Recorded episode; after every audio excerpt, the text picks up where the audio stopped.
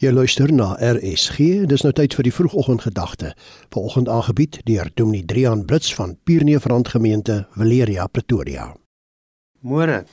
Ek lees van C.S. Lewis dat toe hy tot bekering gekom het, in plaas daarvan om eenvoudig na 'n klooster te gaan en homself af te sonder, het hy sy persoonlike God in die openbaar verdedig en verduidelik aan miljoene luisteraars en lesers. Sulke onwaardige gedrag het die bestuur van Oxford so in die verleentheid gestel dat dit Loos vir ewig die kans tot bevordering gekos het.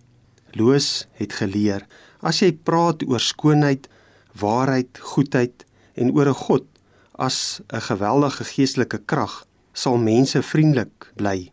Maar hy het gevind dat die temperatuur daal wanneer jy begin praat oor 'n God wat definitiewe bevele gee wat beslis optree, wat idees en karakter het.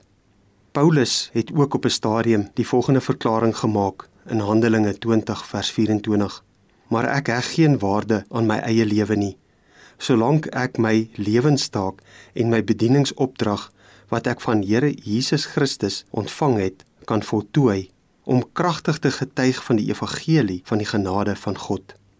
Paulus beskou sy lewe waardeloos as hy nie 'n lewenstaak en bedieningsopdrag ontvang het nie. Al sy onderrig, vermoëns en sukses het geen waarde nie. Die waarde van sy lewe is om sy skepingsdoel te leef. Om doelloos te lewe het tog geen sin nie. Wat 'n voorreg is dit nie om 'n skepingsdoel te kan hê en te kan lewe nie. Ons is almal soms onseker oor wat hierdie lewensdoel nou eintlik is. Tog gee Paulus hier vanoggend vir ons goeie raad. Hy wys ons daarop dat die basiese doel van die Christelike lewe begin by die deel van die evangelie. Met ander woorde, om die verhaal van die verskil van Jesus gemaak het met ander te kan deel. Dit is die geheim wat ons het om te deel. Kom ons dank die Here daarvoor.